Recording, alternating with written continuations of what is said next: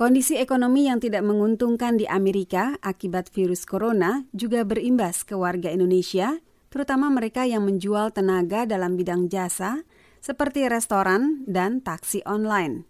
Jumlah mereka tidak diketahui, tetapi imam tahu sebagian dari mereka adalah aktivis Imam Center, Masjid Komunitas Muslim Indonesia, sehingga organisasi Muslim Indonesia di kawasan Washington DC itu terdesak untuk mengaktifkan ekonomi kreatif di bawah bidang pembangunan masyarakat.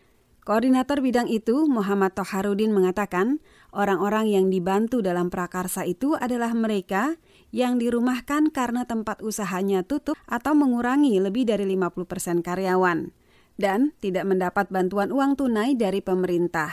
Mereka juga tidak mempunyai keterampilan lain yang bisa diandalkan untuk mendapat pemasukan. Kita saling bahu-membahu, teman-teman kita banyak yang kena layoff secara langsung atau tidak langsung. Ia menambahkan, ekonomi kreatif menggerakkan bisnis-bisnis warga Indonesia di kawasan Washington DC yang semasa pandemi ini mandek atau terhenti, atau sebaliknya justru tumbuh dan berkembang sehingga perlu bantuan pemasaran dan jasa antar.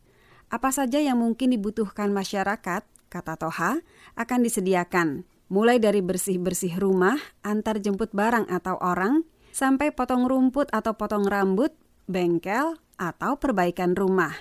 Sejauh ini, menurut Toha, masker dari kain batik dan masakan atau catering menjadi bintang prakarsa tersebut. Masker batik antara lain diproduksi Muhammad Sutio Nugroho, karyawan kantin kampus George Washington University. Semasa pandemi, jam kerjanya jauh berkurang sehingga ia mengisi waktu dengan menjahit, kemudian memproduksi masker dari kain batik. Selama kita masih mampu, marilah kita berproduksi, berkreatif, aktif, dan jalani hidup sebagaimana yang telah ditetapkannya. Hingga saat ini, Sutio sudah memproduksi hampir seribu masker. Produksinya tidak hanya dijual di kawasan Washington DC, tetapi dikirim ke orang-orang Indonesia dan non-Indonesia, serta peminat batik di berbagai negara bagian di Amerika. Batik pun bisa menjadi masker, bukan hanya untuk menjadi pakaian atau jas atau hiasan. Jadi ini alasan utama kenapa saya pakai bahan batik agar batik lebih dikenal dan bisa untuk segalanya. Rohana Kasat adalah satu dari 13 penyedia masakan Indonesia yang tergabung dalam prakarsa itu. Ia dan suami sama-sama dirumahkan dari pekerjaan sehingga tidak ada pemasukan. Dengan keterampilan memasak, Rohana menawarkan masakan khas Cirebon seperti nasi jamblang dan empal gentong. Alhamdulillah dengan adanya ekonomi kreatif di Imam bisa membantu ekonomi saya. Sedangkan Eko Iswanto adalah satu dari tujuh sopir yang terlibat dalam program tersebut sebagai pengantar makanan. Dan bagi saya itu sangat membantu sekali karena sekarang ini pekerjaan saya juga agak sepi dan ikut di dalamnya bisa uh, mendapatkan tambahan penghasilan.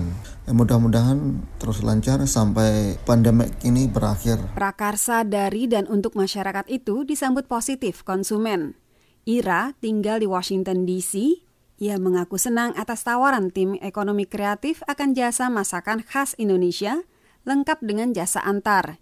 Ia cukup sering memesan. Kan kadang pengen makanan yang pedas atau gurih sebagai variasi. Ira memuji kemudahan dan keragaman pilihan makanan yang ditawarkan. Gampang banget sih caranya kalau sudah masuk di distribution list Tinggal pilih, kirim SMS, bayar online. Semasa pandemi, orang enggan menerima uang tunai. Jadi, tim ekonomi kreatif menyediakan jasa pembayaran digital dan ada beberapa pilihan. Dengan segala kemudahan itu, Ira berharap jasa layanan antar dan catering bisa menjadi sumber penghasilan untuk orang-orang Indonesia yang kehilangan pekerjaan selama pandemi. Pakar-pakar kesehatan memperkirakan pandemi virus corona ini tidak akan segera berakhir. Karenanya, Toharudin berharap ekonomi kreatif akan terus bergerak dan membantu. Karlina Amkas, VOA, Washington.